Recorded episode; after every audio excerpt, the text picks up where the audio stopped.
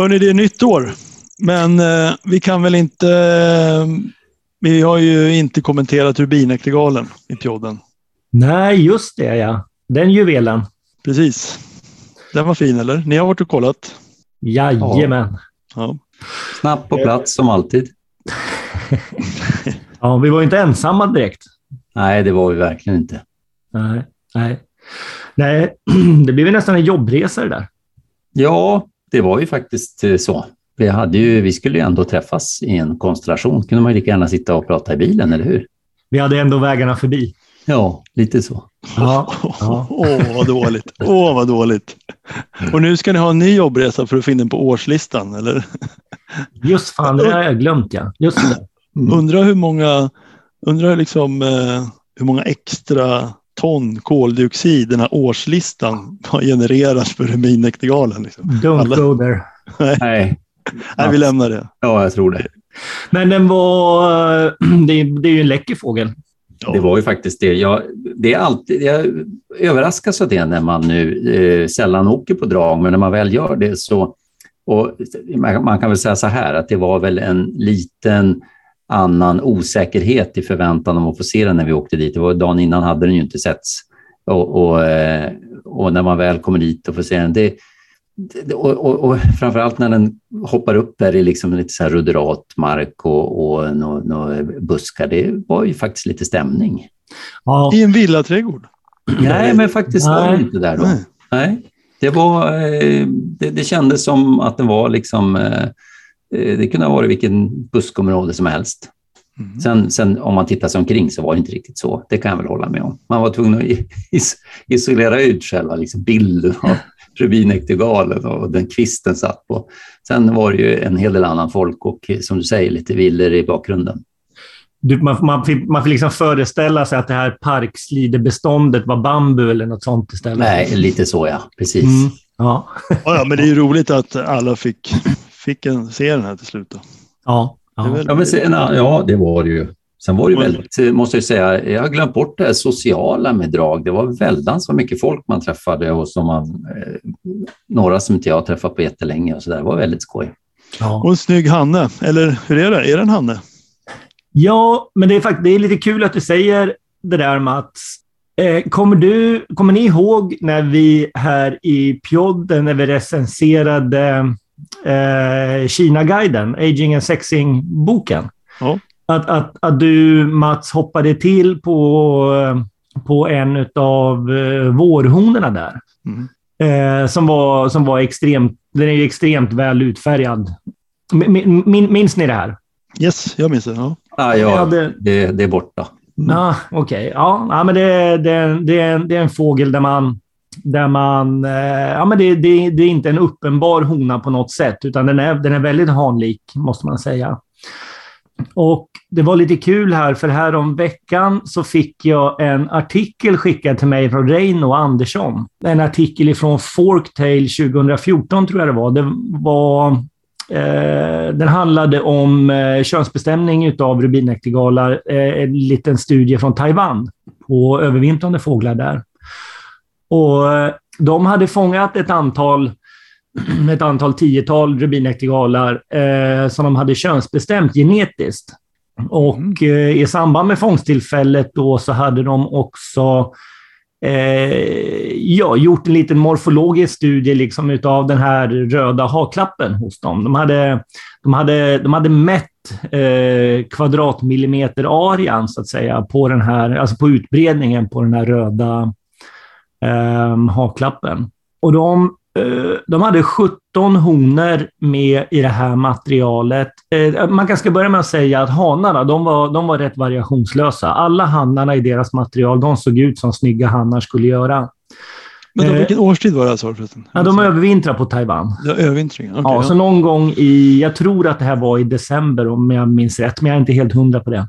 Eh, men de hade i alla fall 17 honor med och, och utav de här 17 honorna så var det fyra honor som hade en, en, en röd strupe vars aria inte skilde sig ifrån hannarnas.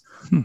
De, de, var, de var alltså smäll, smällröda i princip. Och, och, det finns bilder på om någon av de där fåglarna. och det, Den är inte blekröd heller, utan det, det är bra tryck i det röda. Fullt jämförbart med den fågeln som vi eh, har med i Kina Guides-boken. Där då. Ja, det är ju skojigt, för att tittar man i fågelböcker, jag tror i de flesta fälthandböcker så, så tror jag till och med att honorna avbildas kanske till och med med helt ljus strupe, va? med helt oröd strupe. Mm. Men, men eh, rosa strupar är ju jättevanliga, alltså små blekröda strupar. Och, eh, och som sagt, adulta honor, de här fyra som de hade här nu som var nästan hantecknade, de var adulta allihopa. Så gamla honor eh, verkar ju då kunna närma sig hanarna.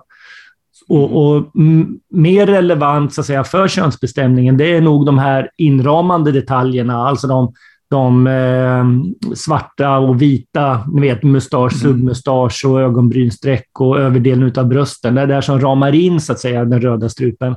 Det är nog snarare viktigare könskaraktärer än vad, än vad just den röda strupen är.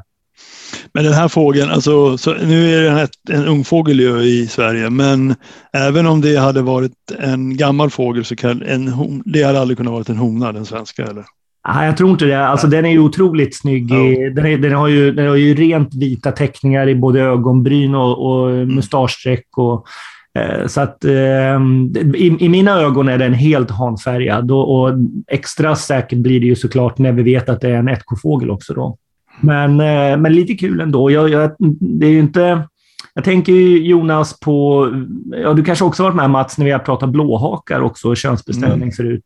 Precis det jag satt och tänkte på. Vi hade inte vi med den i, i pjodden också? Att den, och visade till och med en bild på en väldigt hanlik som du verkligen tror är en hona, va? Ja, precis. Jag har ju fortfarande inte lyckats få något facit på den. Eh, jag tror fjädrar finns kvar nere i Lund oanalyserade. Men mm.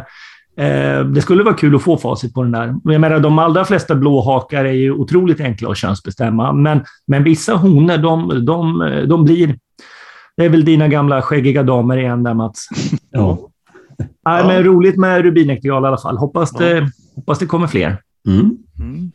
Och en större turturduva också. Det måste du ha gillat, Mats. Ja, det var kul. jag, har, jag har lagt ganska mycket tid de senaste åren.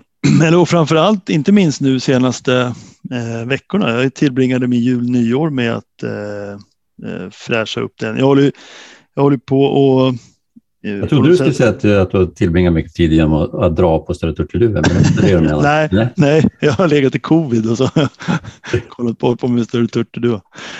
Nej, men det, vi ska ju hjälpa RK med att gå igenom de svenska fynden och sätta lite kriterier för att eh, föra så många som möjligt till Orientalis respektive Mena. Och eh, man den här upp. Den här ser ut som en eh, fin Mena faktiskt. Du pratar om fågeln i Vallentuna nu va? Just ja, den som, eh, ja, jag kollade på den nu, jag, eh, lite mera ingående inför det här. Ja. Uh, Berätta mer. Ja, men alltså nu ska jag inte föregå, för jag ska ju föreslå någonting till, det är ju inte så, det kommer ju påminna mycket om det som finnarna gjorde som finns publicerat i Roadrunnen. Eh, det, det som jag har använt som underlag är ju mera foton från, eh, dels från lite skinnsamlingar i och för sig och men jag har utgått mycket från foton på nätet. Eh, det går ju faktiskt att få ihop stora samlingar om man vill idag. Eller stora, men tillräckligt stora faktiskt. Från häckplats? Från häckplats såklart. Ja. Mm. ja bara, bara utgå från häckfoton. Mm. Men då den här, alltså som är, om man bara väldigt kort ska säga någonting som verkar, jag tycker verkar väldigt bra i alla fall. Den här fågeln är en ung fågel, men den har bytt in en del täckare. Och de här äh, inbytta täckarna är framförallt om man, man kan fokusera på de mindre täckarna, alltså det som ligger kan man säga längst ut på vingen på en sittande fågel. Och är de, har de de här äh, breda orangea kanterna runt hela fjädern, alltså som en turturduva ungefär. Framförallt är att de omringar hela det svarta centrat. Alltså är det liksom distinkt avsatt, det svarta mot det orangea. Det är väldigt bra att förmena och den här fågeln är, ja, den är nästan, skulle, man skulle nästan kunna säga att bara mindre täckarna på den nästan utesluter orientalis. Men sen tillkommer då, en, så man får ju lägga till andra karaktärer som att den här är väldigt ljus på buken. Det är också väldigt bra. Det gäller även ungfåglar. Den har en, de har en gammelrosa grundton mm. medan orientalis har mycket mer brungrått i det här gammelrosa och en mena är i regel mera ljust och eh, inte lika brungrått i det här gammelrosa. Men så är ofta då mena ljusare upp på buken och är de så här ljusa som den här, det är också väldigt bra för mena. Mm. Eh, och sen då att den har så vitaktig undergump. Eh, stjärtpennorna som är ofta som traditionellt har man har fokuserat på är ju såklart bra om de är om man ser att de är väldigt vita eller om att de är väldigt grå. Men det där är ofta lite svårt att avgöra hur, och det beror väldigt mycket på hur de är, hur de är belysta. Men det här ser också ut att vara vita i princip. När du, när du kollar stjärtpennorna Mats, tittar du på de centrala fjädrarna eller de yttre fjädrarna? Ja, yttre kollar man då framförallt. Ja. Det är de, det är de, ja. Så mm. fyran, femman, sexan ska man ju fokusera på. Mm. Ja. Det, grå, det blir gråare längre in. Okay. Och stjärt, men stjärtpennorna är liksom, det är ofta ganska, ofta går grundtonen i stjärtpennornas spetsar, den går ofta igen i undergumpen och undergumpen är ofta lättare att utvärdera tycker jag. Så att det är som skärten är som ett paket med undergumpen när man ska utvärdera den. Och det, man ska inte lägga liksom allt för stor vikt vid stjärtpennorna. Och sen är det också så att stjärtpennorna, eh, vi har ju fåglar som vi har sett och fotat i Burjatien som är orientaliskt land. Mm. Där vi har ganska vitaktiga eh, stjärtpennor. Jag har också sen, sett det flera gånger på ivägflygande fåglar. Precis, och det som, en, det som är väldigt intressant i det finnarnas studie, det är att de hittar ju fåglar ända uppifrån Jakutsk som är ganska liksom ännu längre från Menaland. Där hittar ju de flera individer med ganska vitaktiga stjärtar. Mm. Så det där slår igenom ändå i delar av orientalis, om, orientalis område. Mm. Det, är som inte, det är inte facit, stjärten. Man måste väga ihop liksom, eh, stjärt, undergump som ett paket och hur ljus den är på buken. Det är tredje paket, det tredje sättet och det, det andra sättet och det tredje sättet kan man säga är liksom vingovansidan, hur täckarna ser ut. Och då mm. ska det ju helst vara adulta fjädrar. Och juvenila blir svårt att utvärdera. De är för utsmetade och för varierar för mycket. Men du Mats, direkt, du som har tittat igenom svenska materialet rätt väl antar jag, eller? Ja, jag, ja. jag håller faktiskt på med det precis nu. Ja. Eh. Har du något redan nu kan du avslöja något exempel på som du tycker, uppenbarligen är Vallentunafågeln en, en, en eh, dra mot mena håll. Har du någon direkt från minnet en fin orientalis eller från svenska materialet? Ja, men eh, Mörbylångafågeln är en orientalis tycker jag. Den, den där gamla. förhistoriska fågeln. Ja. ja. Och, det var min bild där som clinchar den förstår jag. Nej, men jag tycker att den här Falköpingsfågeln är en orientalis. Ja, just det. Och sen var det en tredje som var väldigt, det finns en jättesnygg, nu kommer jag inte ihåg var den var ifrån, den är jätte, den är nästan liksom, ja, den, är så, den är så bra så att det, man börjar nästan gråta faktiskt. Eh. Men nu minns jag inte vilken det var. Jag måste kolla. Jag har inte det materialet framför mig. Men du Mats, du, du beskrev ju väldigt fint här nu eh, innan de mindre täckarna hos eh, Mena. Med, mm. med ganska distinkta små mörka centra och så. Mm. Eh, Orientalis då? Ja, men de har liksom som, dels det, det mörka centret är ofta större eh, och sen så ofta så avslöjas vi att när vid basen av fjädern, alltså ofta ser man inte basen, man ser ju man ser ju kanske, ja, vad säger man, två tredjedelar av fjädern i regel, för de är ofta täckta av en annan fjäder. Men ändå där brukar man se att det svarta smiter liksom ut, att det, det här orangea går liksom inte runt det hela, det mm. svarta centret, utan det blir liksom, det smiter ut vid basen. Och sen framför allt att eh, det svarta då mot det här orangea eller vad man nu vill kalla det, rostbrunt kan det vara till och med, det varierar ju. Att den, det är inget knivskarpt, det är, en, det är, en, det är en diffus övergång där. Kan man det säga att det är lite grann som under stjärttäckarna hos eh, träsk och gräshoppsångarna? Ja, kanske det. Kanske en bra liknelse. Ja, vi får se. Det, det tycker inte jag var någon bra liknelse. ja, jag ska... okay. Det blev på någon slags metanivå som, som var för komplicerad. jag har en till fråga, Mats. Ja. Eh, näbbnaglarna. Ja, eh, kan du berätta lite? Ja, men där, tidigt så vet jag för några år sedan, på det materialet som jag hade då, så tyckte jag att så är den ljusa näbbspetsen eh, det är vanlig, vanligast, eller det är regel hos mena. Det är ju, eh, kan man säga, finns, man ser hos orientalis också, men där finns det de som har helt grafitgråa näbbspetsar, det vill säga näbben blir jämnfärgad. Mm. Men den här ljusa näbbspetsen är ju bra, alltså, det finns ju svåra fåglar mot turturduva när man får ungfåglar på, på höstarna den kan vara ganska bra tycker jag, den karaktären. Mm. Eh. Hos eh, turturduvelika mena menar du? Då? Precis, ja. för ja. de är ju grafitgråa turturduva. Som, mm. Men det konstiga då är att det verkar vara, eh, man skulle kunna tycka att orientalis är längre österut. Och, men mena smiter upp som den ljus, mest ljusnäbbade fågeln.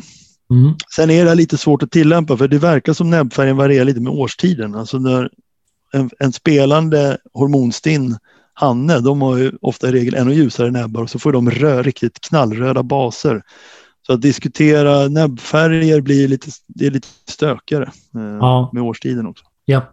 De kanske gått och petat i jakskitar och grejer också. Men det är också, det, men det är faktiskt inte helt, när de petar i lera så kan det lura en. Alltså att det har lera på, en, ibland kan vissa näbbar bli ljusspetsade för att det är lera. Ja, vad roligt. Skojigt. När eh, finns det någon tidsplan på det där och när får vi läsa om det i VF?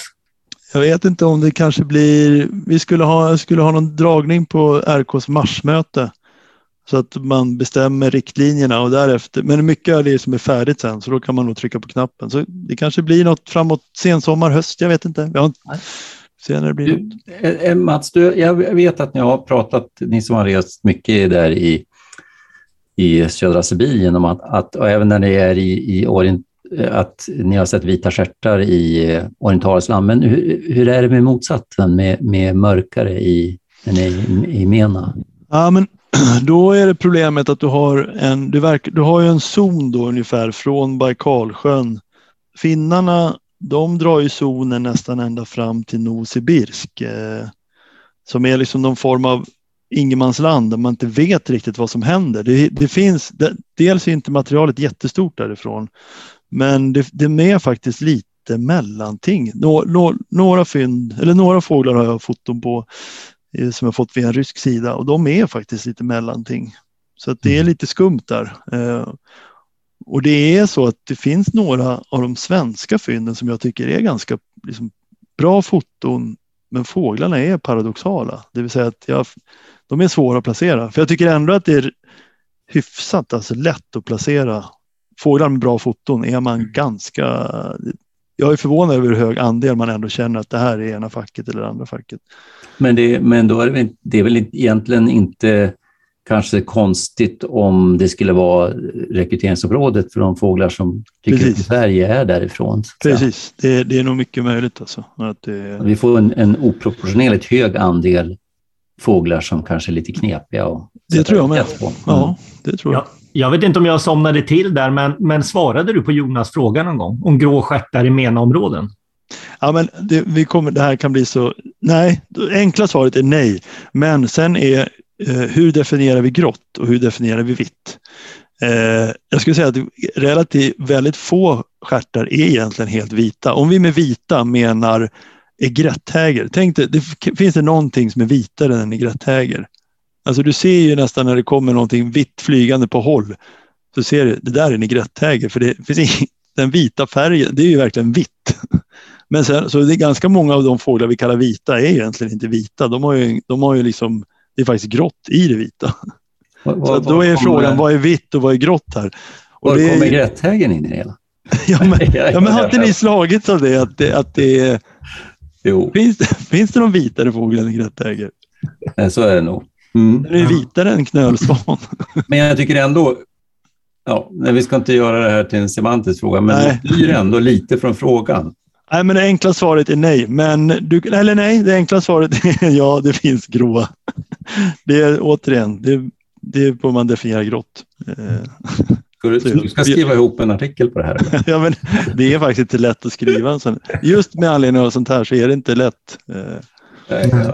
Lustigt att börja prata om större turturduva och sen inom ramen för samma diskussion passerar man både grätthäger och gräshoppsångare och träsksångare. ja. ja, precis. Ja, men jag blev lite... Ja, vi, jag ska fila på formuleringarna.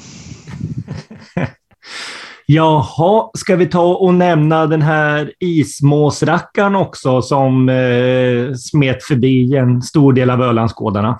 Ja, ja, vi ska ju det. Den närmast osannolik häftig obs, alltså, måste jag säga. Jag är, det är sällan... Ja, men du vet den känslan att det där hade man ju velat vara med på. Den, den, var, ganska, den var väldigt stark, kan jag säga. Ja, det hade... sträckande, sträckande ismås står ju högt på önskelistan. Ja, det är så overkligt. Och sen känns det som att man lägger, jag i alla fall lägger ju inte så mycket sträcktid när, när det kanske är bäst tid för den där. Då har man ju lite somnat in för vintern. Mm. Nej, precis. Men det som slog mig där, eh, jag kommer ihåg att jag dagarna efter tänkte, eller veckorna efter, som försökte följa vad som hände i Europa. Varför? Den har inte setts någon annanstans.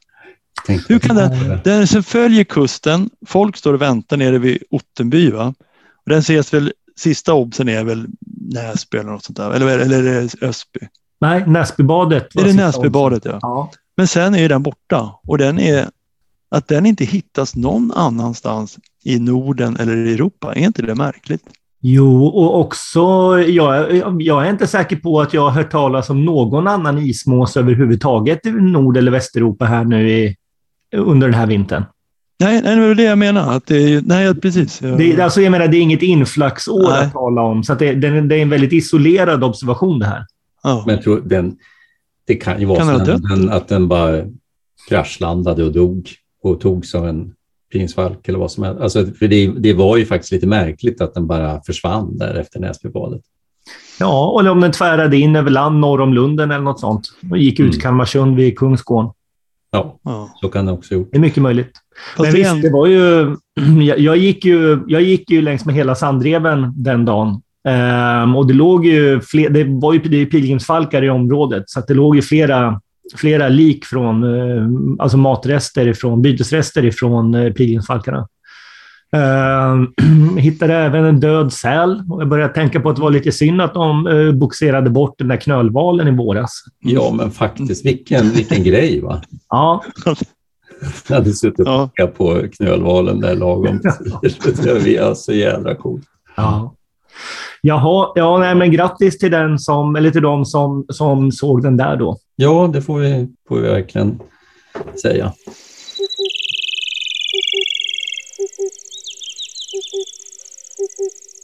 Det är väl i och för sig kanske ingen av oss som är så riktigt gallhead, men samtidigt så har man, under ganska många år har man sneglat och varit intresserad av bestämning av de större tutarna. Men nu är det ganska nyligen det var två bilder som man hajade till på. Dels en eh, bestämd gammal amerikansk gråtrut, eller kanadatrut heter den på svenska, Larus smithsonianus, som de hade bestämt i Sydspanien.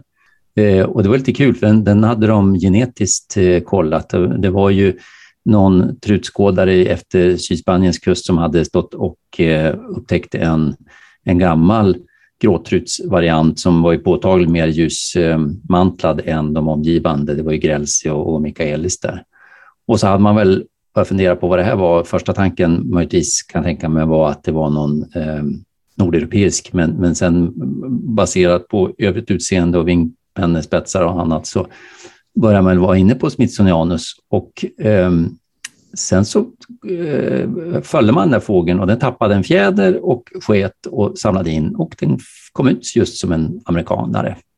Det var lite kul. Ja. Var kan man se bilder på den här? Ja, hör du, det där var på Facebook någonstans. Jag får väl mm. ta och leta upp det där. Eh, sen var det ju den där uh, italienska fågeln. Eh, det var väl bara här nu i, innan jul va, som uh, det var en vegatrut. Precis, det var en vegatrut i, i Adriatiska havet på Italien. Som, eller den, den, ser väl bra ut för vegatrut i alla fall.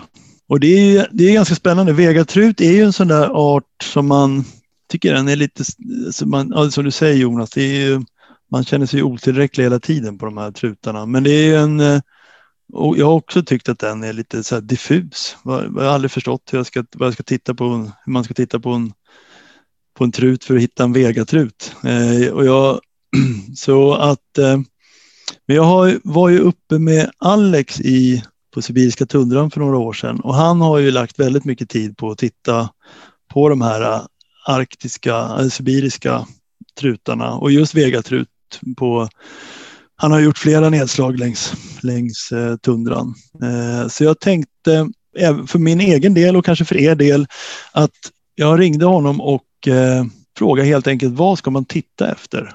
För att eh, eh, hitta en vegatrut? Och ja, lite allmänt, vad är, vad är egentligen vegatrut? Det var precis det jag tänkte börja med det kanske. Ja. vad, är en vegatrut?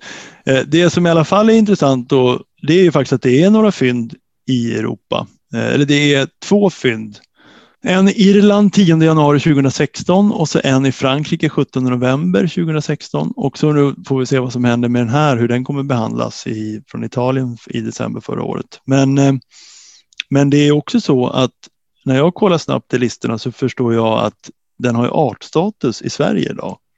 Så den är ju, den är ju helt klart en, någonting som kan dyka upp här och eh, vi bör ju lära oss den. så att eh, vi får väl eh, höra om, om Alex har något klokt att säga. Eh, vi, vi kanske ska ta det från början, eh, för det är nog många som inte vet alls vad vegatrut är. För mig ser det ju ut vid första anblick som en, det är en gråtrut när man mm. bara ser den. Mm. Den häckar i, från Taimyr va? och österut fram till Beringsund, är det så? Precis. Och den förs av den moderna taxonomin så förs den, är det så att den förs till den amerikanska Smithsonianus? Nej, det, det, ja, eh, den är ju närmare släkt med den amerikanska gråtruten än vår gråtrut.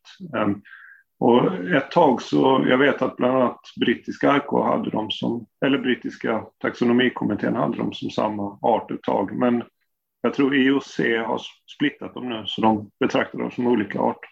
Men de är ganska nära släkt, vegatrut och den amerikanska gråtruten. Då. De är närmare släkt med varandra än vad de är med vår gråtrut. Och vegatruten sitter ju på det och den grenen i släktträdet, den är inte särskilt nära släkt med vår gråtrut fast den är så lik en gråtrut. Den är närmare släkt med både silltrutar och kaspisk trut och ja, den nordamerikanska gråtruten än vad den är med gråtrut. Ja, och tittar man hur eh, taxonomikommittén i Sverige hanterar den så den står ju som en egen art i deras lista idag. Mm. Vad jag, som jag tolkar den i alla fall. Okej, okay. ja, jag har inte riktigt koll på det. Men nu som sagt så har man ju gjordes ett fynd i höstas i Italien. Eh, och det finns ju två tidigare fynd vad jag förstår. Ett, i, ett på Irland också vinterhalvåret och sen ett i Frankrike, också vinterhalvåret eller november kanske det var. Så den känns ju som en, den känns ju fullt rimlig att dyka upp i Sverige. Absolut. Absolut. Och eh, vi alla vet ju den här eh, extrema variationen hos alla de här truttaxa, men eh, om man skulle ha en så här superklassisk vegatrut, vad är det man, vad letar man efter bland trutflockarna? Vad är det för karaktärer man ska titta efter? Ja, som, som alltid bland trutar så är det liksom en, en, kombination av grejer som, som du ska hitta för att, för att man ska ha, våga bestämma en, en, en vegatrut. Så man vill ju helst ha en riktigt typisk individ. Men det är ju i botten en väldigt gråtrutslik fågel om vi, om vi, ja, om vi pratar gamla fåglar då. Men en, en klassisk vegatrut har ju dels mörkt öga då. Eh, och sen har den lite mer svart på vingspetsen än vår gråtrut.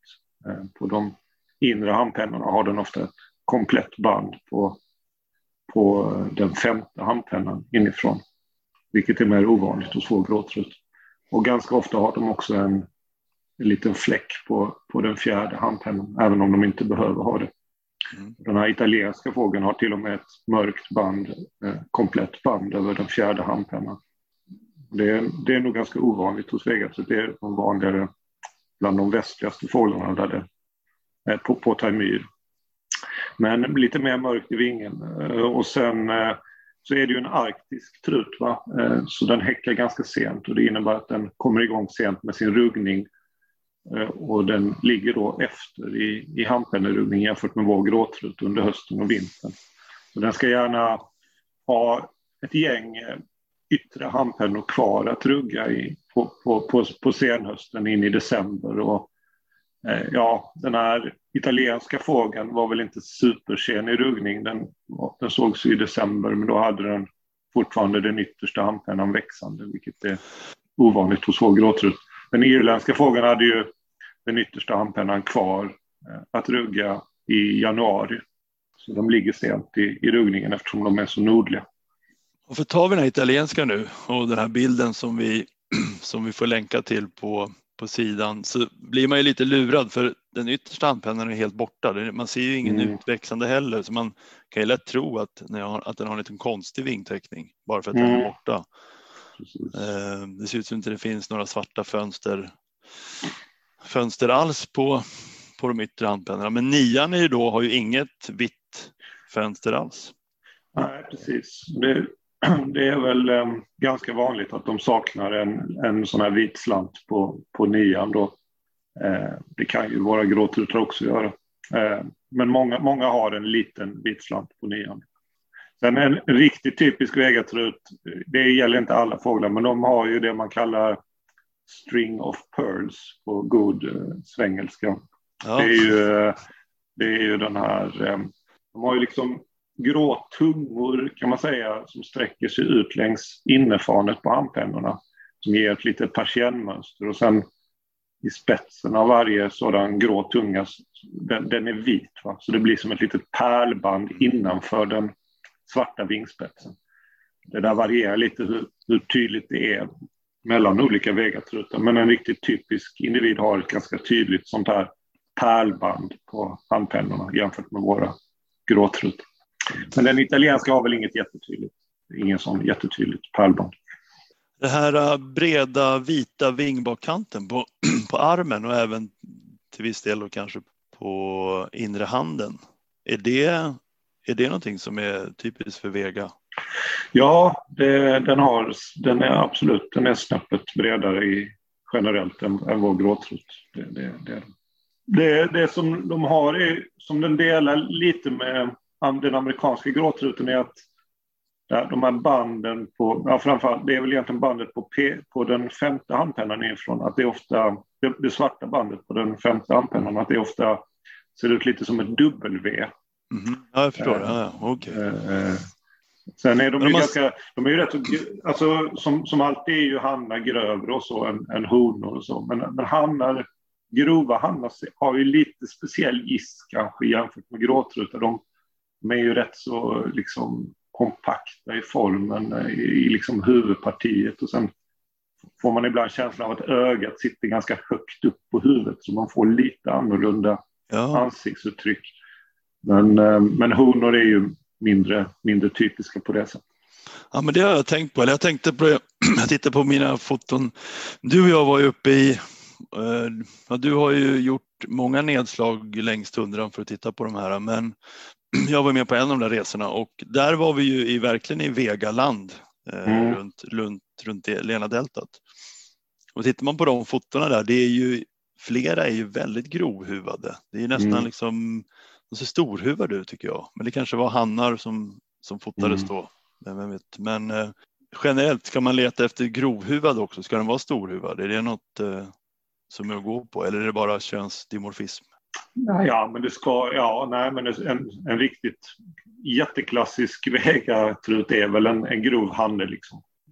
Om man säger sträckningen då på huvudet, där man, för det är i regel under den tiden vi har chans att se dem, när de mm. sträckade huvuden. Nej, alltså den här italienska ser ju ganska mycket ut som en gråtrut. Det, och det, ja, de, det varierar väl en del, men det, men det är en ganska grov sträckning som, som skiljer dem från en del andra närstående trutar då, eh, som man kan ha hjälp av. det Mongolicus eh, som finns nere i Mongoliet och södra Sibirien som är väldigt nära släkt med vegatrut. Den har ju mindre, mindre sträckning på vintern, ofta rent vitt huvud på, på vintern. Så det, och även barabensis då som finns på steppen i Kazakstan och upp mot taigabältet i Eh, lite längre västerut i Sibirien har väl ofta lite mindre sträckning som är mer koncentrerad till nacken. Eh, så, så den här grova sträckningen kan ju hjälpa till i bestämningen mot, mot en del andra trutar, men, men kanske inte direkt mot gråtrut. Men det här med, med benen och fötterna då? det sägs väl att de har rejält rosa, rosa fötter och ben? Eller? Ja, det, ja, alltså återigen en riktigt typisk vegatrut. Det har väl ganska mörkrosa ben, men, men det där, så en riktigt typisk har ju det. Men eh, det, det, varierar ganska mycket. Du, du har nog rätt många fåglar som ligger nära vår gråtrut. Och sen så längre västerut inom utbredningen så har du ju då en ökad eh, andel fåglar som har lite gulaktiga ben. När de börjar närma sig siltrut, alltså, siltrutsland. Ja, vegatrutarna ja. Mm. Oh, fan. Men, men om man en typ, en sån här typisk eh, vegatrut då med, om vi säger att den har mörkt öga, den har liksom den här handpenneteckningen som, som du har beskrivit, rosaktiga ben. Skulle man våga vara säker på en typisk? Eller liksom är överlappet så pass totalt med till exempel andra former att man aldrig skulle våga, skulle du våga clincha en vegatrut i Sverige? Ja, men det, det är ju som med trut att det är ju liksom, det är ju sällan man kan gå upp mot 100 procent. Liksom. Men, men en, en kombination av just sen ruggning, mörkt öga, ja, bred vit vingbakant, mycket svart på, på vingen och kanske string of pearls och sådär. Jag tycker det är helt rimligt att publicera dem som vegatrutar. Det, det är ju, den kombinationen passar ju absolut bäst in på vegatrut. Så jag tycker det är helt rimligt att de är den här italienska och den här irländska fågeln som jag har sett foton på, att, den, att de publiceras som vegatrutar. Det, det tycker jag är inget konstigt.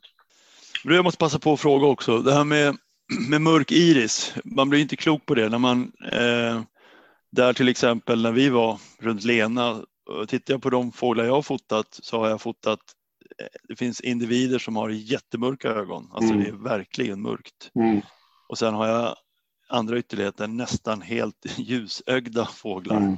Mm. Kanske när man zoomar in så ser man kanske någon, någon mörk, mörk mm. pigmentering i någon fläck, men det är knappt som man ser det. Mm. Vad, vad, eh, vad, betyder det med mörka ögon? Är det bara någonting som är det liksom slumpartat eller ingen geografisk koppling till det? Nej, alltså, det, nej, alltså det, det, det är en väldig variation hos vegatrut och ja, många andra trutar och det finns ju enstaka mörkögda gråtrutar hos oss också. Men mot Taimyr så ökar ju andelen ljusögda eh, individer då. Eh, så när man kommer närmare silltrutar då, för det finns nog en, en hybridisering med, med silltrutar på, på Taimyrhalvön. Men, eh, och den är frekvent eller den hybridiseringen? Ja, alltså det, det, finns, det finns olika tankar om det i litteraturen, men eh, vad jag, det material jag har tittat på tolkar ändå som att det, det är en, en, en slags övergångszon på, på Taimyr.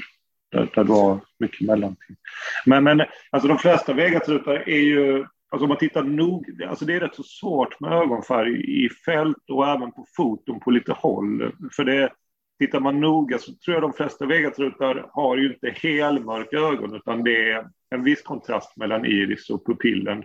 Så de är lite halvmörka sådär, men de blir ju mörka på lite håll då, upplevs som mörka. Men du, du kan ha enstaka ljusögda, helt ljusögda individer i hela utbredningsområdet tror jag. Jag, jag, jag har sett ända bort vid Beringsund i Tjokotkos och så hittar du helt ljusögda individer. Så, så det, finns, det, det, finns den variationen inom, inom arten helt enkelt, eller inom populationen. Men du, det här med hybridiseringen är ju lite märkligt. måste bara, om, man tänker, om jag tänker då, Vega säger vi kanske någonstans tillhör den här kladen med amerikansk och mongolisk trut. Och sen möter den på Taimyr då egentligen Heuglini någonstans. Heuglini kommer då som en silltruts, eller tillhör silltrutskladen mm. egentligen. Va? Mm. Mm. Och de är ju liksom ganska, de måste ju vara liksom, det är ju som två väldigt olika taxa utseendemässigt och rent kanske var de kommer ifrån. Och så börjar de hybridisera på Taimyr. Är det de då som skapar Taimyrensis eller hur ska man tolka det? Ja, det, där, det är ju lite liten soppa och det finns lite olika liksom, tolkningar av det där i litteraturen och det är ju inte helt utrett. Men de, är ju inte, de, är, de, kom, de sitter ju på samma släktträd så, så de är ju inte, de är inte de är ganska närbesläktade, siltrutor och vegatrutar på, på det sättet om man tittar på mitokondrie-DNA men visst, jag håller med dig. Det är väldigt stor skillnad på en typisk euglin och en typisk vegatrut. Men Ja, icke desto mindre. Jag, jag kan, alltså, på västra Taimyr så, så, ser du rätt mycket mellanting. Och man kan se på Taimyr, på hela Taimyr kan man se då par där den ena fågeln har kanske gula ben och ljusa ögon som liknar mer en silltrut medan den andra parten då har rosa ben och mörka ögon och ser mer ut som en vegatrut. Och sen finns det också eh, fåglar som ser ut att vara lite mittemellan eh, på termyr. Så att, eh, jag kan inte tolka det på ett annat sätt än att det ändå finns ett, ett flöde där på, på Taimyr. Sen när det gäller taimurensis då, det, ja, det är lite oklart hur den ska definieras. Men Lars Jonsson menar ju att det lämpligaste är att använda det namnet för, för så att säga den, den västligaste Huglini-populationen som finns kring Jenisej i det mesta... Öst, östligaste Huglini-populationen. Ja, förlåt. Östligaste, ja. förlåt, ja. östligaste Huglini-populationen kring Jenisej som, mm. som i, i det mesta ser ut som en siltrut, en Huglini. Den är lite ljusare på manteln, men som då flyttar åt sydost. Så den följer Jenisej och drar ner över Baikal och Mongoliet ner till ja, exempelvis Hongkong. Och... Jaha, den, över, ja, just det, den mm. övervintrar, precis, den övervintrar långt österut. För Höglin övervintrar ju på Arabiska halvön mm. eh, och Vega övervintrar Japan och östra ja. Kina, va? Eller? Precis, Korea och Japan. Korea, ja. Mm. Men det där, ja, det där, det, men det är klart, det är, så det blir lite rörigt på Taimir, samtidigt som det är ganska intressant kanske ur svensk eh, eller nordeuropeisk synpunkt också, för det bör nog kunna kanske till och med ännu oftare dyka upp fåglar från Taimir här än rena vegatrutar längre österifrån det verkar vara en otroligt karismatisk fågel det här. Det här, är, det här är nog min nya favoritfågel. Jag känner mig väldigt entusiasmerad eh, efter det här samtalet. Vadå, dissar du vegatrut eller? Vilken sarkasm, Magnus. Va? jag tycker du är lite hård, måste jag säga. Men det, ja, det, det, det slutar väl som alla trutdiskussioner. Ja, men det är ändå spännande. Jag tror eh, eh det här kommer ju bli... Vegatrut kommer bli hett. Nej, men jag, det här är bara början benägen att hålla med faktiskt. Ja, um, det, det, det, är lite fascinerande att... Uh, dels är det kul att höra Alex med, med Hans entusiasm.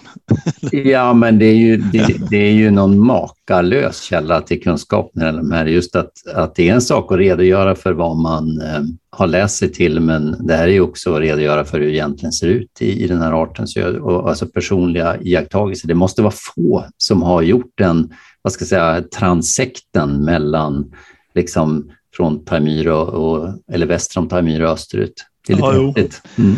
Han håller ju på, han håller på och sammanställer massor med data. Jag tror han, han ska skriva något om just det här han pratar om. Ja, vi får se. Det kommer dyka upp ja. förr eller senare någonting. Mm.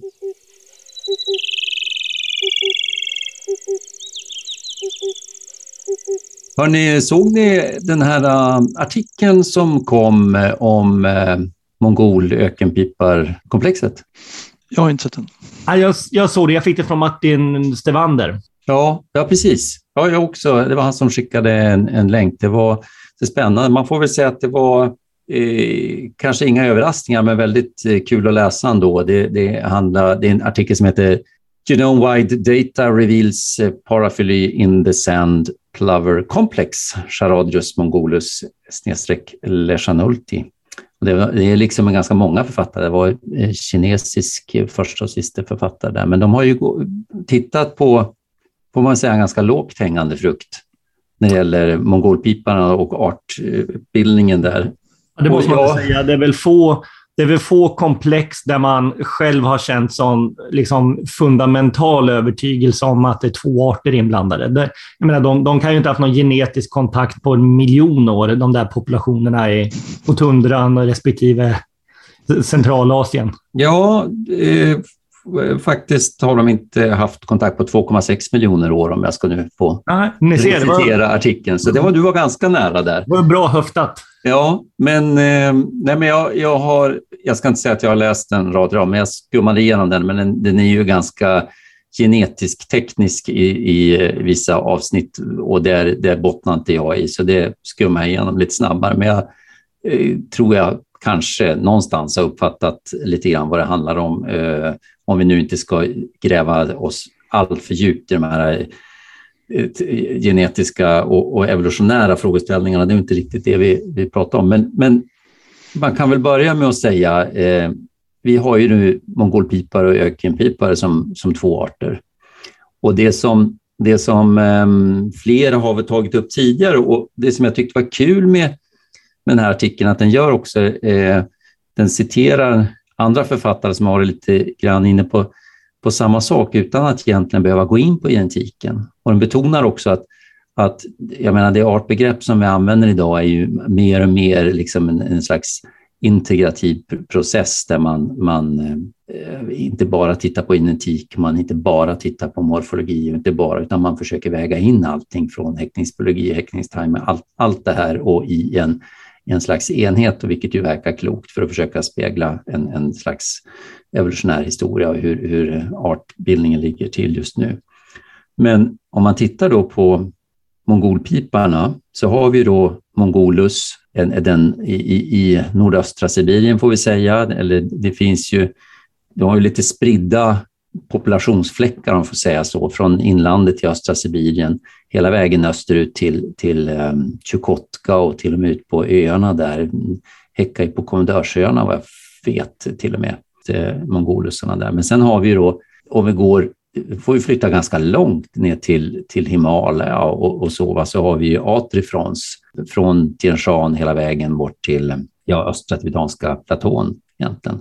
Och däremellan, där finns ju ökenpiparen. Det är ju liksom lite mer den här eh, steppfågeln eller eh, halvökenfågeln på lite lägre höjd och sådär. Och ska man nu titta på, för att göra en lång historia kort, eh, kort om de genetiska analyserna, så är det så att de, de grupperar sig väldigt fint, de här, om man nu får, får eh, ha ökenpipare som en enhet och så tar man mongolus, mongolpiparna som en enhet och så atrifrons, mongolpiparna.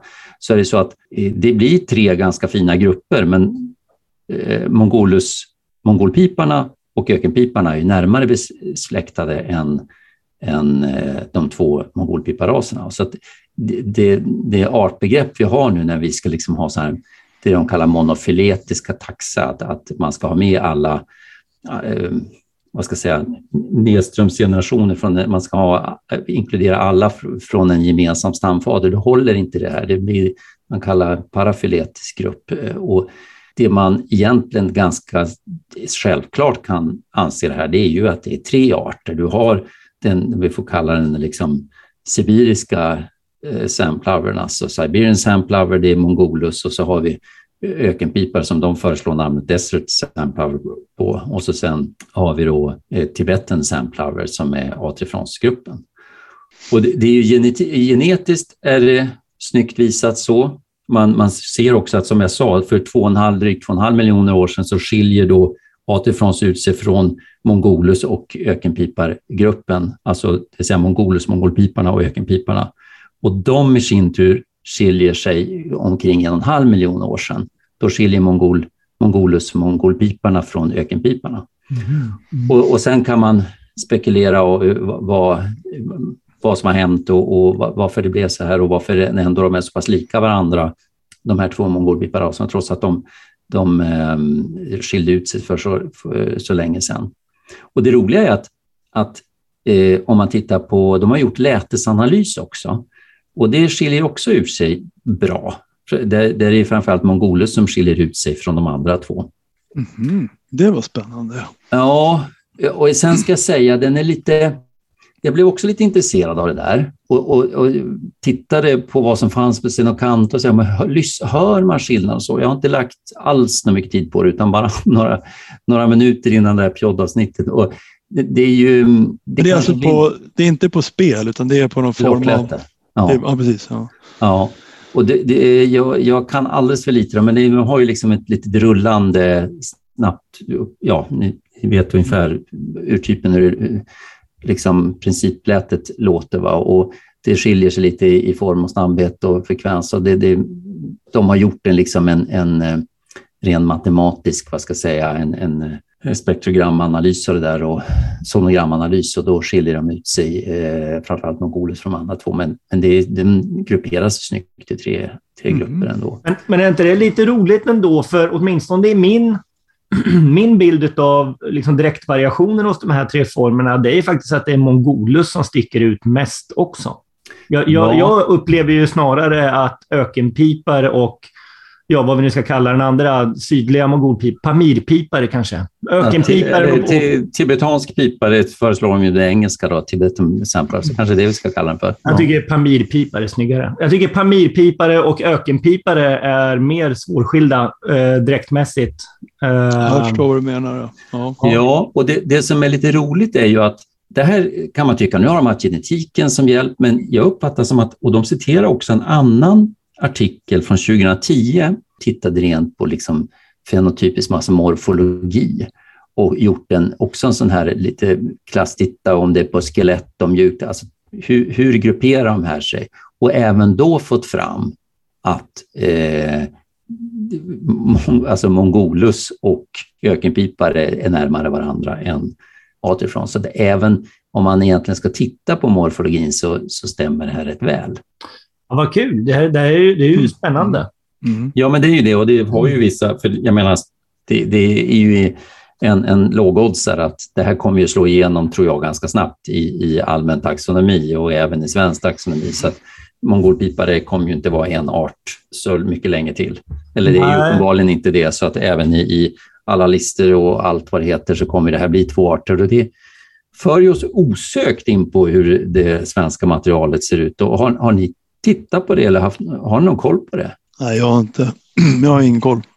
Jag vet att jag, jag gjorde en koll för länge sedan. Det, jag tror att vi pratade tio år sedan eller något sånt där. Eh, det kom en väldigt fin artikel då ifrån var det Martin Garner och Ian Lewington? Ian Lewington hade fantastiskt fina planscher, vet jag. Jag tror att det var i Birding World.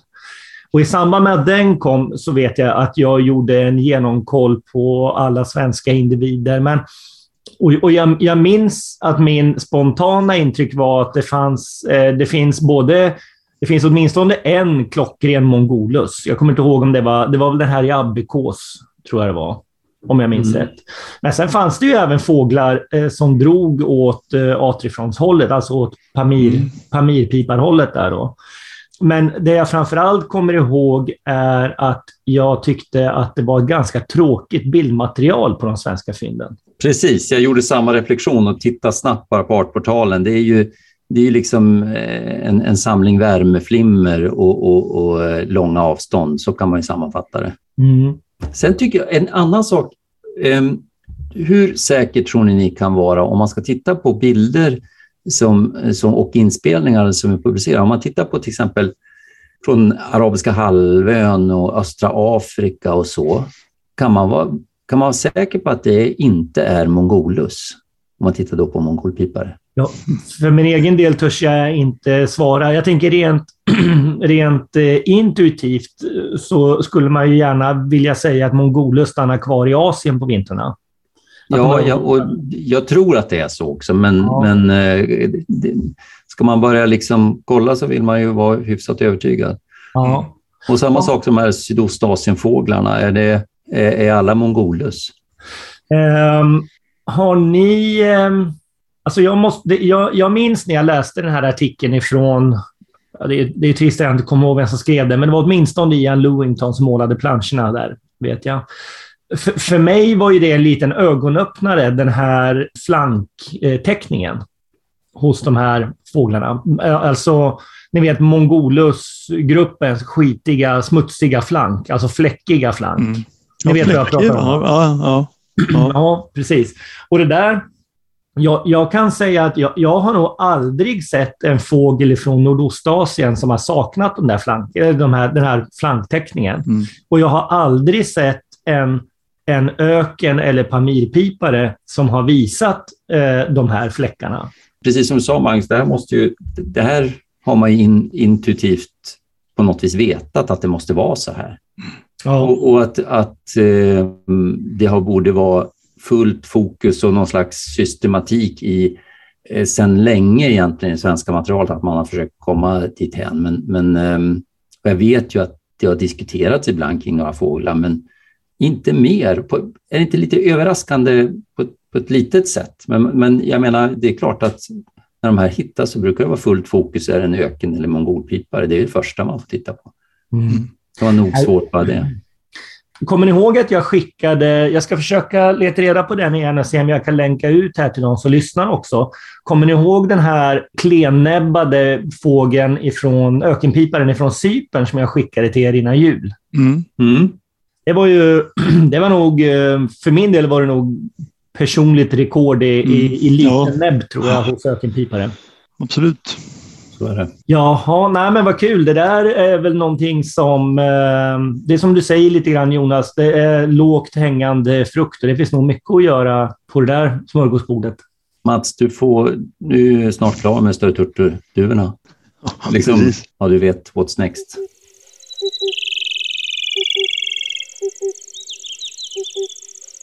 Hörrni, jag fick en eh, lite roligt artikeltips. En artikel som jag själv hade missat faktiskt i Dutch Birding. Jag fick det skickat till mig från Åke Lindström nere i Lund. Jag mejlade den till er. Jag vet inte om ni läste den. Om, om, om gråsiskorna, de belgiska gråsiskorna. Var, var den där som hade fångat i trädgården? Eller? Just det, precis. Ja, den var rolig. Ja. Ja. Jag har nog missat det mejlet. Ja, ja, men desto roligare. Då får du någonting nytt till livs här. Då.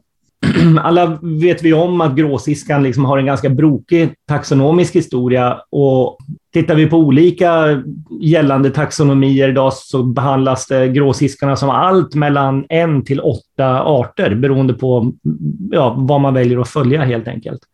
Och så är det lite mellanformer och, och grejer och sånt där också. Så det är ju eh, en stökig grupp tättingar. Men den här artikeln då eh, ifrån Belgien, den eh, tog sin början under hösten 2017 då eh, Västeuropa upplevde ett ganska fint inflöde av flamea gråsiskor, alltså våra nordliga gråsiskor så att säga. Um, och, och, och det, är, det, är, ovanligt att Flamea når ner dit till, till Belgien. Uh, det är sällan de får chansen att, att, att titta på dem ordentligt. Och den här killen då, som för övrigt heter Mark Hermans, han som har skrivit artikeln, han har då tydligen en villaträdgård eh, i en liten förort. Och den här trädgården eh, den har ett, ett väldigt tydligt hörn. Om jag förstod det rätt så var det liksom ett, ett, ett plank som bildade ett väldigt tydligt hörn. Och längs med det här planket så hade han då en rabatt med, väldigt, eh, med frörika vinterståndare av någon, någon, någon art som liksom lockade mycket gråsiskor. Och, och, ett antal meter, om det var 10 meter eller 15 meter eller något, framför det här hörnet så stod det också ett stort träd. Och, och alla gråsiskor som besökte hans tomt, de, de, kom liksom i flock på hög höjd och sen så slog de sig ner i trädet. Och sen från trädet så gick de rakt ner i hans, eh, bland vinterståndarna i rabatten där då i det här plankhörnet. Och Mark gjorde så eh, att han satte upp två stycken nät i det här hörnet längs med vardera eh, planksidan då från hörnet räknat. Och bakom respektive nät så satte han en bur eh, med en flamea i den ena buren och en cabaret eh, siska i den andra. Alltså gråsiska i den ena, brunsiska i den andra. Och Eh, Eh, och sen så fångade han gråsiskor. Och han gjorde det här i drygt 20 dagar och varannan dag så bytte han plats på de här två burfåglarna. De skiftade nätposition så att säga då varannan dag. Han fångade, under de här 20 dagarna så fångade han faktiskt ett par hundra fåglar och det visade sig då att, att 70 procent av de kabaréfåglar som han fångade, de fångade han inom två meter ifrån kabarélockfågeln. Och motsvarande gällde då också för flamea. Att drygt 70 procent av, av fåglarna, av, av flameafåglarna han fångade, de fångade han ju vid nätet där flameafågeln satt i buren bakom. Ni hänger på hur jag menar? Mm, ja. De här respektive Eh, respektive taxon då i de här burarna, det var alltså uppenbart och statistiskt signifikant att de lockade till sig eh, individer ifrån sitt eget, eh, från sitt eget taxon. Och det är lite kul tycker jag med gråsiskor här. Det är ju, det är ju fullkomligt uppenbart att de att de känner skillnad på varandra. Att de antingen ser eller hör skillnad på varandra och att de, att de på något sätt attraheras mot sin, sin, sin egen genetiska pool, eller vad man ska kalla det för. De var synliga i buren, de var inte täckta eller så, här, så det, man, det, kan vara både syn och, och, ljud. Ja, det stämmer. Precis. De var synliga hela tiden, så han kan inte separera eh, ljud från, eh, eh, från synintryck, så att säga. här. Jag tycker det är jättehäftigt, Magnus. Det är bara att, återigen, och vi, jag vill egentligen inte att vi ska hamna i de här alltför djuplodande genetiska diskussionerna. Ingen av oss är, är någon expert på det, men jag, jag, jag, måste säga att jag begriper inte riktigt det där. För precis som du säger, va? Det, det är väl ändå de genetiska... Du sa att, alla, att de, de hittade sin genetiska pool, men det är väl inte riktigt så enkelt heller med siskarna, för det verkar ju vara... Har de så skillnader genetiska pool? Alltså jag, och det pratas, har, har ni hört begreppet ecotypes och sådär? Ja, Vad är det?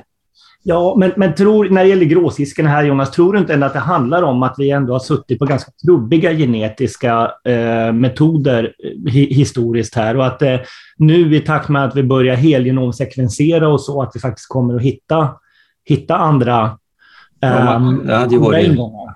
Det hade varit trevligt om det var så, tycker jag. För att det, eh, det här, som du säger, va, det är uppenbart fåglarna känner igen varandra och de attraheras till varandra. Det betyder ju, det tyder på någonting så att säga. Mm. Sen om, om det är så att de är isolerat häktningsmässigt också, vilket ju sydliga nordliga gråsisk till stor del är naturligtvis. Oh, spännande. Ja. Mm.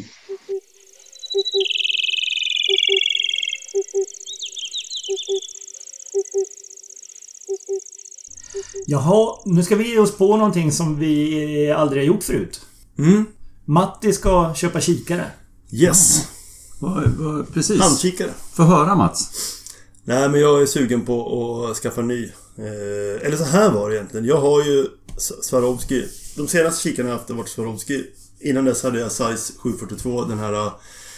Ni vet den som alla hade på eh, mm. 90-talet och början av 2000-talet. Mm. det ett... kändes som att det fanns bara ett val på den tiden göra det. Ska man ja. 10, size 1040 eller size 742? Precis. Mm.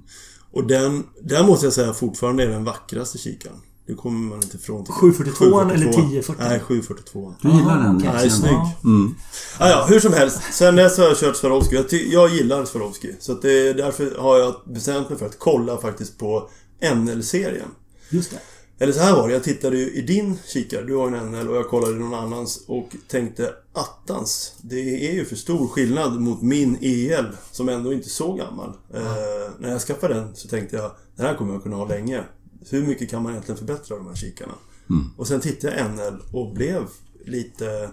Ja, jag blev, jag blev liksom förvånad. Och jag är inte ja. någon tekniknörd. Jag har inte så bra koll på det här. Jag, jag ligger ofta efter och, och så vidare. Men eh, jag blev imponerad. Så då har jag tänkt att titta på de här modellerna.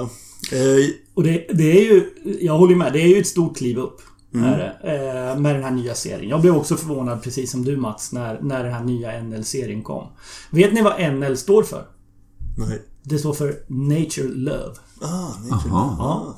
Och jag, har, man, man, kanske, jag måste nog säga det kanske lite grann för transparensen här. Att jag har, har ju ett samarbete med Swarovski, så att mm, ni vet om det. Mm, Eh, och jag har pratat lite grann med eh, med Fredrik som, som eh, Sverigechef på Swarovski och han berättade om den här nya NL-serien eh, att eh, till skillnad från de här tidigare produktutvecklingsstegen som kikarna har haft så när de, när de ritade NL då började man från, från noll. Innan har det liksom varit improvements, som man säger mm. så, på, på befintlig teknik. Så. Nu, nu började man på ett blankt papper och skulle liksom ta fram den ultimata kikaren från, Mm. Från, kul. Men jag måste innan vi fortsätter med NL måste jag ju ändå få nämna, för jag kan ju tycka att det var en fullständig revolution när Swarovski kom med sin, vad heter den då? Hette inte den också EL8? Alltså den som fanns som 8,542. Ja, precis. Den, vad kan ha kommit i slutet på 90-talet? Ja, sånt då? Det, det var den första gröna de Första med. gröna. Ja, den, den första som hade den här, vad de dubbel, kallar för Open Bridge. Open Bridge, precis. Ja. För det, den tycker jag var en, den var knockout på ja. sin tid alltså. Det var det verkligen. Det den var, satte en ny, totalt ny standard. Ja. Det gjorde det. Och för att testa nu, eller för att hjälpa Mats framåt här nu i valet så, så sitter vi idag uppe vid, i Stenåsa. Vi det som tidigare hette Naturbokhandeln, men ni känner till att de har bytt namn eller? Ja, jag såg det. Ja, Naturbutiken Mm, heter de sen någon månad tillbaka här tror jag. Så att det är Naturbutiken här i Stenåsa då, alltså Birdlifes eh, butik som hjälper till i det här, Lånar i det här valet. kikare. Som lånar ut lite kikare, ja precis. Och vi ska säga det också innan vi går vidare här till själva testet här att allt överskott som naturbutiken genererar, det går ju till Birdlifes eh, arbete med fågelskydd och fågelforskning och fågelintresse. Ja, det är bra. Ja, mycket bra. Det är det. Jaha, En okej. fråga där. Jag säger att den här NL är ny. Det är bara att den är ny för mig. När kom egentligen NL? Den kanske har funnits några år. Nej, den, den kom... Det är väl snart ett år sedan den kom va? Men sen tar det, det tar ganska lång tid innan man kan arbeta upp vad säger man, leveranskapaciteten ordentligt. Så att den har ju, man kan nästan säga att den har smugits ut under året här va, okej. tror jag. Ja. Jag fick... Min kikare fick jag i somras. Fick jag, min 1032.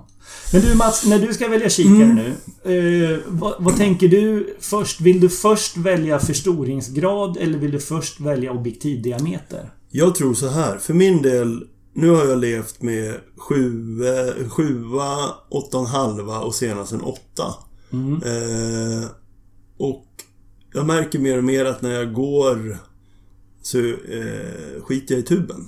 Så jag är lite sugen, jag är i grunden sugen på att skaffa en tia.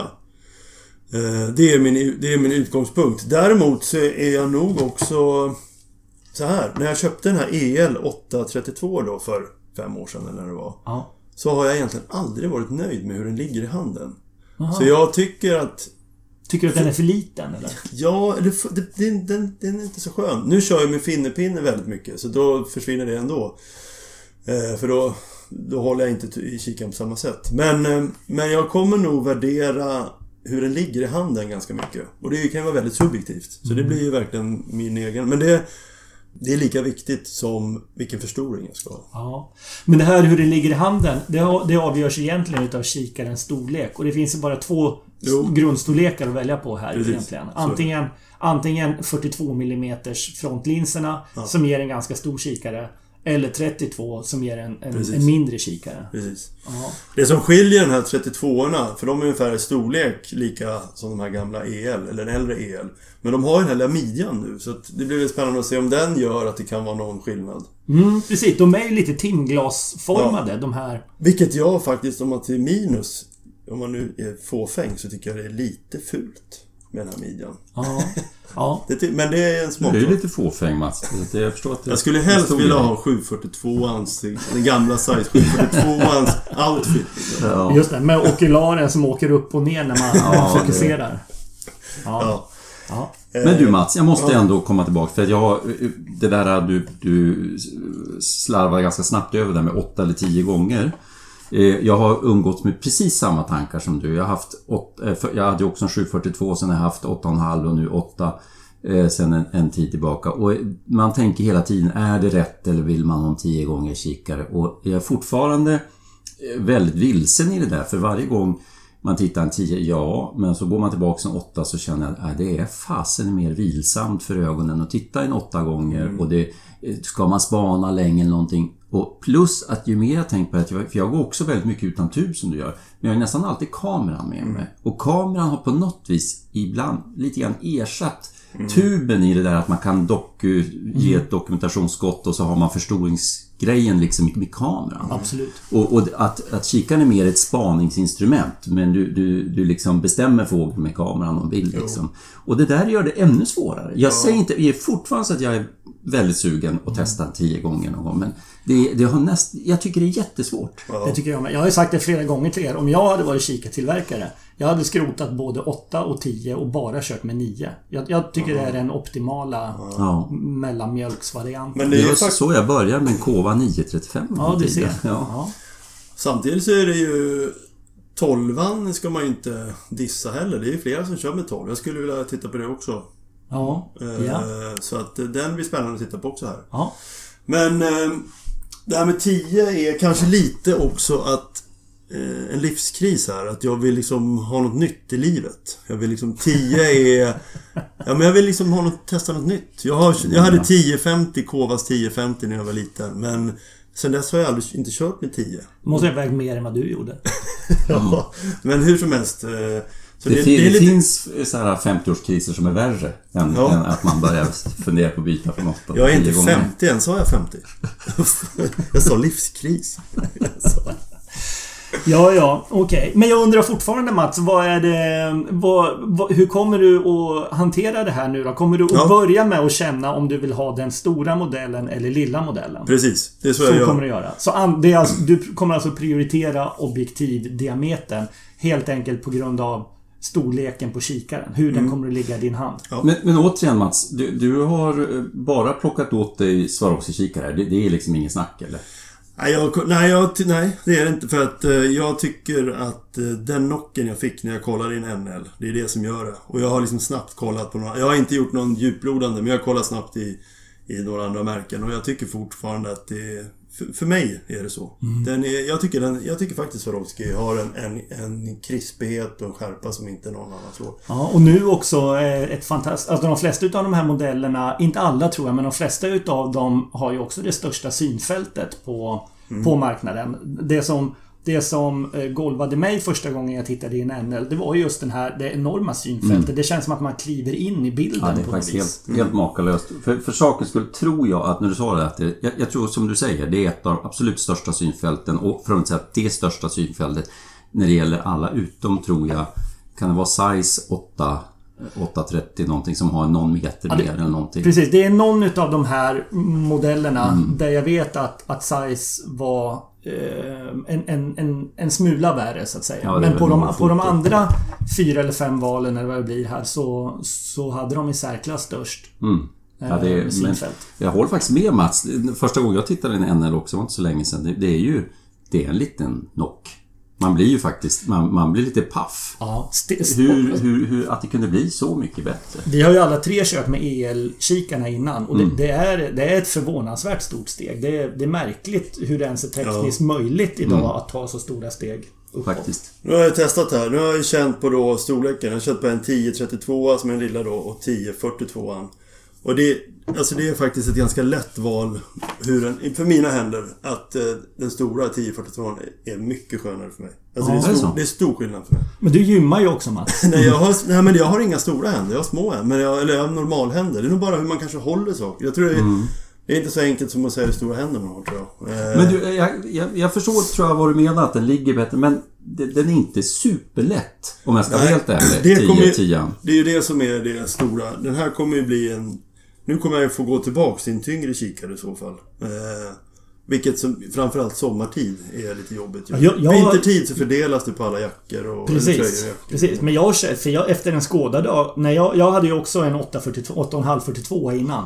Ja, det gör ju... På mig gör det ju ont i nacken efter en Skåda-dag. Ja, har inte du haft en, har inte du haft en, vad heter den? Size? Jo, Victory... vad var det?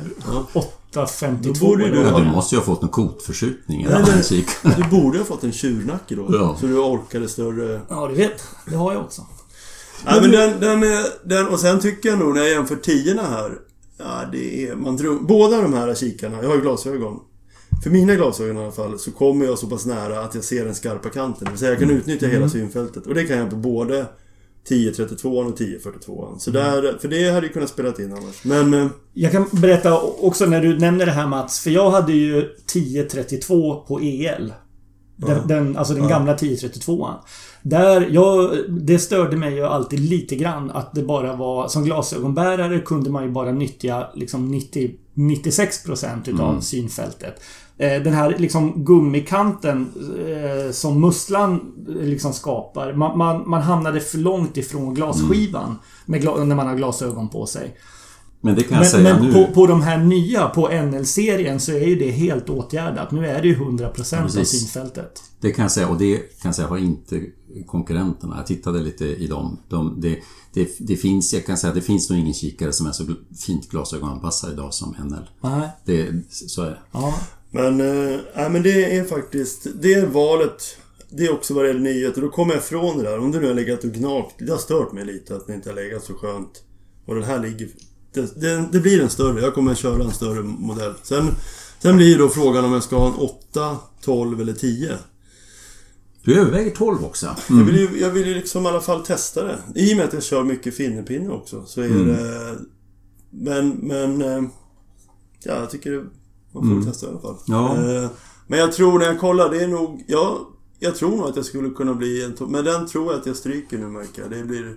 Men du, du, för, den har ju ett sån här liten... Eh, det där lilla pann pannstödet. Tycker du att, är du hjälpt av det eller var... Nej, jag, jag, jag, jag har sett att flera använder det och det kan nog vara bra. För mig passar det inget bra och jag tror att det bara är vägen med, med pinnen, pinnpinnen och allt det där. Så jag, jag skippar det. Aha. Men du, du, du verkar ganska snabbt... Vad sa du nu? 10 12 är du mest sugen på? Nej, inte 12. Det, det, står nog mellan 10 och 8. Men jag, det, jag är ju styrd av eh, min livskris här. Så att, eh, ja, då ska du på 12 egentligen. ja. Tolvan... egentligen så är det... Alltså, om jag rent... Om jag skulle inte vara så sugen på 10. För jag måste säga att den bästa kikaren av dem, både ljus, eh, alltså hela allting, det är 842. Den är ju... Alltså den, men då får du, du får en tung kikare, mm, du får... Du får, men det finns lite massa minus, men bara just, i alla fall hur den ligger i handen, men sen hela bilden. mm. 842 är ju, det är ju den som liksom blir, du tappar ju förstoring. Men ja. i övrigt så får du ju bäst ljus och allting. Ja, ja, jag håller med. Och det, det, när du kliver, det är, den, är he, den är faktiskt ja. helt sagolik. Den, ja. den, är faktiskt det. Men eh, sen blir det där att, ja, när jag försöker sätta in det i ditt beslut här, det blir Eh, det blir inte det här klivet till en annan förstoringsgrad Nej. och den blir tyngre och, än den du har idag ja. och, och så va. Så att, jag tror kontentan blir för min Alla de här är ju fina. Alltså rent optiskt och glasögon så är ju alla de här modellerna härliga tycker jag. Men... Mm. Nej, jag kommer landa Jag kommer göra så här. Jag tror att det blir en 1042 och sen kommer jag aldrig kolla i en 842 igen. Nej, ja men det är väl bra. Det tror jag. Det, så, det blir nog mitt val. Då, då blir jag... Ja. Så får det bli. Hörrni, eh, jag har ju kört med min NL här i ett halvår nu och jag har ju, även om jag är otroligt förtjust i den, jag har aldrig haft en bättre kikare, så finns det ju såklart eh, det finns saker att, att, eh, att, att klaga lite på också. Mm. Vill du höra det nu innan, innan ja, det slår till? Jag kan säga det jag har varit orolig för. Ja. Dels det här att de inte är så snygga får jag liksom köpa. Men Sen är jag lite orolig för infästningen. Det ser så tunt ut. Det ser så bräckligt ut att mm. vi kan släppa där med de, reminfästning. Ja, de, de, de står med på min lista. Det är samma reminfästning som det var på de nyare utav de, den förra elvarianten. Jag hade det här fästet på min elvariant innan. Det vill säga det här runda som kan, som kan snurra kring sin egen axel. Och sen så klickar man ju i de här eh, spännena så att säga. Så att remmen sitter fast där. Mm. Men just det här att remmen faktiskt kan snurra 360 grader. Mm. Och hur många varv som helst.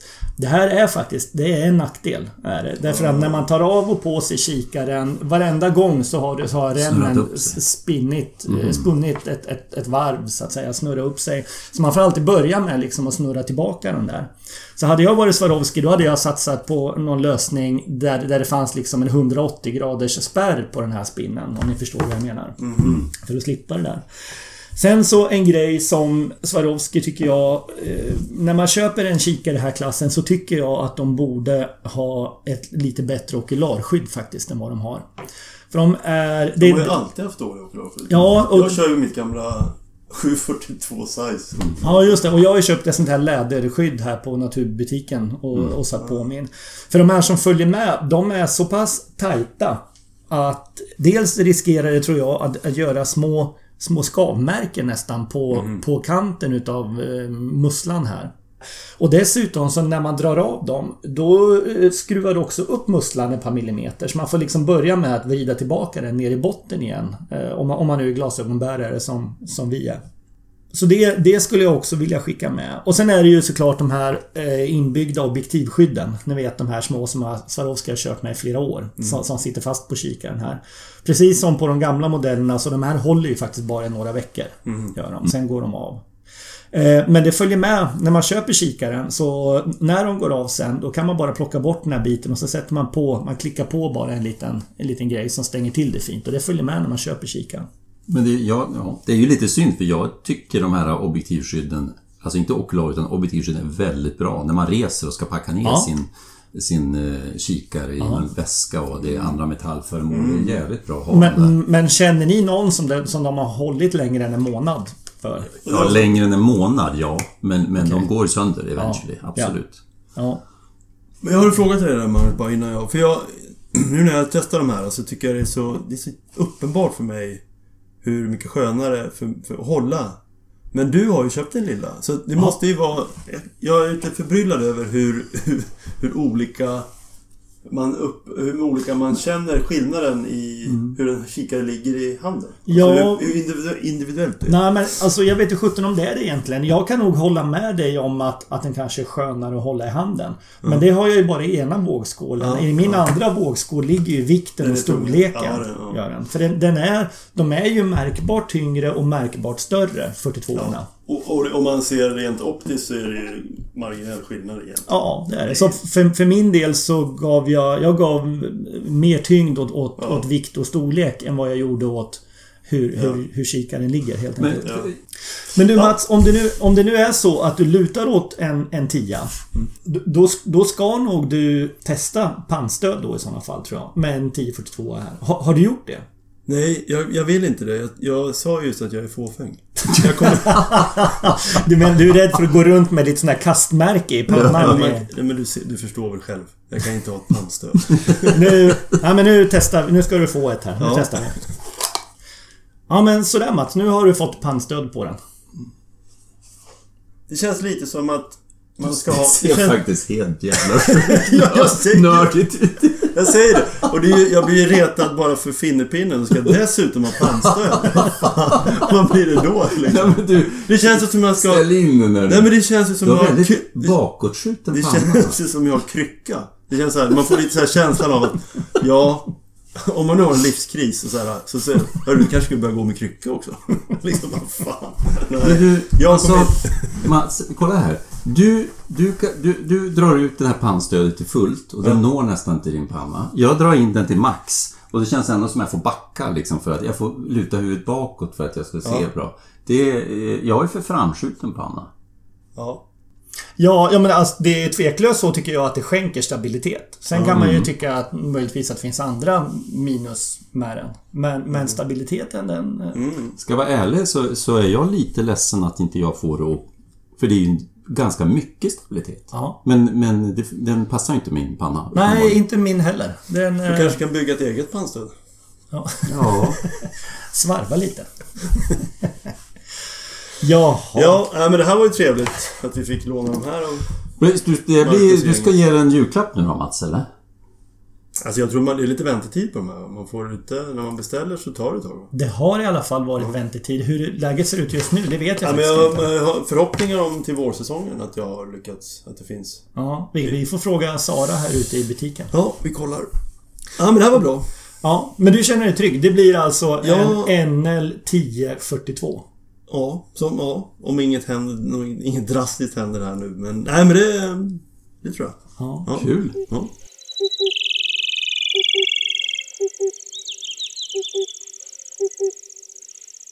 Jaha, eh, Mats, då undrar jag ju vad du inte har kunnat släppa här sen sist. Ja, det var ju dagsfärskt. För vissa. För, för mig var det dagsfärskt. Det kom på, på någon Facebook-tråd idag och idag är det den 12 januari. Jo, det var så att eh, det ringmärktes ju en bergstaggarsångare på Landsort den 24 oktober förra året. Och nu och sen så upptäcktes det en ringmärkt bergstaggarsångare på Jären i Norge den 6 november. Det vill säga vad blir det, 17 dagar eh, senare som var ringmärkt då, som sagt. Och eh, sen lyckades man till slut läsa av den där. Eh, och det visade sig att det var den fågeln som var ringmärkt på Landsort. Vad läckert. Och det är häftigt. Och det som är extra, tycker jag, lite spännande, det är att Jären ligger alltså 70 mil rakt väster om Landsort. Den har ju liksom inte haft någon sydlig komponent i sin rörelse. Så att det, ja. Är inte det ganska rimligt? Ehm, jag, jag, tänker att som bergstaggarsångare måste det vara svårt att ta sig till Europa med, med en sydkomponent. Nej, visst är det så. Men det, ja, men det är ändå... Ja, det kan vara spännande på flera sätt. Jag har ju ibland haft, eh, liksom, haft en eh, teori om att ibland norduddar kan vara spännande även på hösten. Att det kan, vissa felflugna fåglar inte behöver ha en sydkomponent. Det vill säga att när de kommer till en ö så kan de även då lika väl ibland röra sig lite norrut på en ö som söderut innan de lämnar ön. Ja, jag håller, håller, helt med. Alltså, det finns ju flera bra exempel på det. Um, om vi tar, kommer ni ihåg Aftonfalksinvasionen som var för några år sedan i augusti? Uh, den är ju uppenbart så att säga nordriktad. De, de, kommer mm. antagligen från, jag inte vet jag, Ukraina eller någonstans runt mm. Svarta havet eller något sånt där. Uh, och det var ju... ja, det här var alltså i, i, i augusti. Det var ungfåglar det handlade om. Och, och, Det var ju uppe på norra Öland och på norra udden som koncentrationerna hamnade. Mm. Det var där det var lätt att se dem. Och precis samma sak har det ju också varit med, eh, med bleka tornseglar under senhöstarna. Åtminstone så att säga tidigt, tidigt under inflödet eh, så, så, så tror jag också att norduddar är är, är, är ett bättre ställe att leta på dem än, snarare än syduddar. Det är nog, det är nog först när, när retursträcket kommer igång senare, eh, senare under rörelsen som, som det är sydudda tror jag som man ska leta på. Har, har ni kollat på en, en jordglob, alltså hur, eh, är, det, är det raka spår, alltså om ni tänker från Altaj och, och så, hur ser det ut då mellan, eh, blir det liksom närmast, är det som en rät linje då från Jären, Landsort till Nej, inte riktigt. Om man drar, en, drar man en stor cirkel från Jären över Landsort och vidare ner så hamnar du, du hamnar långt söder om Altaj. Man hamnar snarare ner till en Chan. Ja, men det funkar väl det också i och för sig? Ja, naturligtvis. Det, det mm. funkar också. Och den, mm. Eh, det här med storcirklar, är inte det... Jag, jag, jag, känner egentligen inte till så många belägg för att fåglar de facto liksom verkligen flyttar efter storcirklar, även om det nu är kortaste avståndet. Så jag, jag, jag har inte läst många studier där man, där man faktiskt har visat att det är storcirklar de följer. Mm. Så det, den kan säkert komma från Altajden där i alla fall, tror jag. Det lär väl vara de, det är ju de nordligaste populationerna som flyttar längst. Ja, precis. Ja, kul. Det visste jag inte om. Jag har inte sett det där. Mm. Jätteroligt. Jonas? Ja, men du, jag, jag hade nog inte så mycket som jag inte kan släppa. Det är lite, kanske lite fånig grej, men det, jag tycker bara det var så jädra osannolikt. Alltså, eh, en, en kompis, eller numera mer Facebook-kompis, men en person jag träffade under en, en, en resa för några år sedan eh, som bor i USA, eh, som inte alls är fågelskådare utan mer fotograf. Hon bara plötsligt la upp på, på sin Facebook att ja, visst är det lustigt, alltså jag och min man har köpt ett, ett, ett nytt hus i Maine. Och nu så håller vi på att renovera det och vår, vår eh, hantverkare som håller på att lägga plattorna där skickar så fin bild. Och vet du, då har de jättehavsörnen på sin tomt, på, på, på sin bakgård, i den berömda jättehavsörnen som, som ju kom in i, eh, ja var det 2019 eller var, när, när den eh, sågs på Denali Highway i Alaska. Jättefina bilder på en gammal jättehavsörn och sen så eh, det var ju folk som letade, inte såg någonting. Sen dök det plötsligt upp en jättehavsörn i Texas och sen efter det uppe i nordöstra, nordöstligaste Kanada, alltså i, eller inte nordöstligaste, men där uppe vid, var väl typ Nova Scotia eller någonting. Ja, New Brunswick eller vad det heter. Ja, New Brunswick, och, och mm. precis. Och sen har de då uh, hållit till där i sista månaderna och, och då kommit upp på amerikanska sidan. Och denna person som jag känner har alltså den på sin, på sin tomt. jag tycker det var väldigt roligt. Ja, riktigt kul.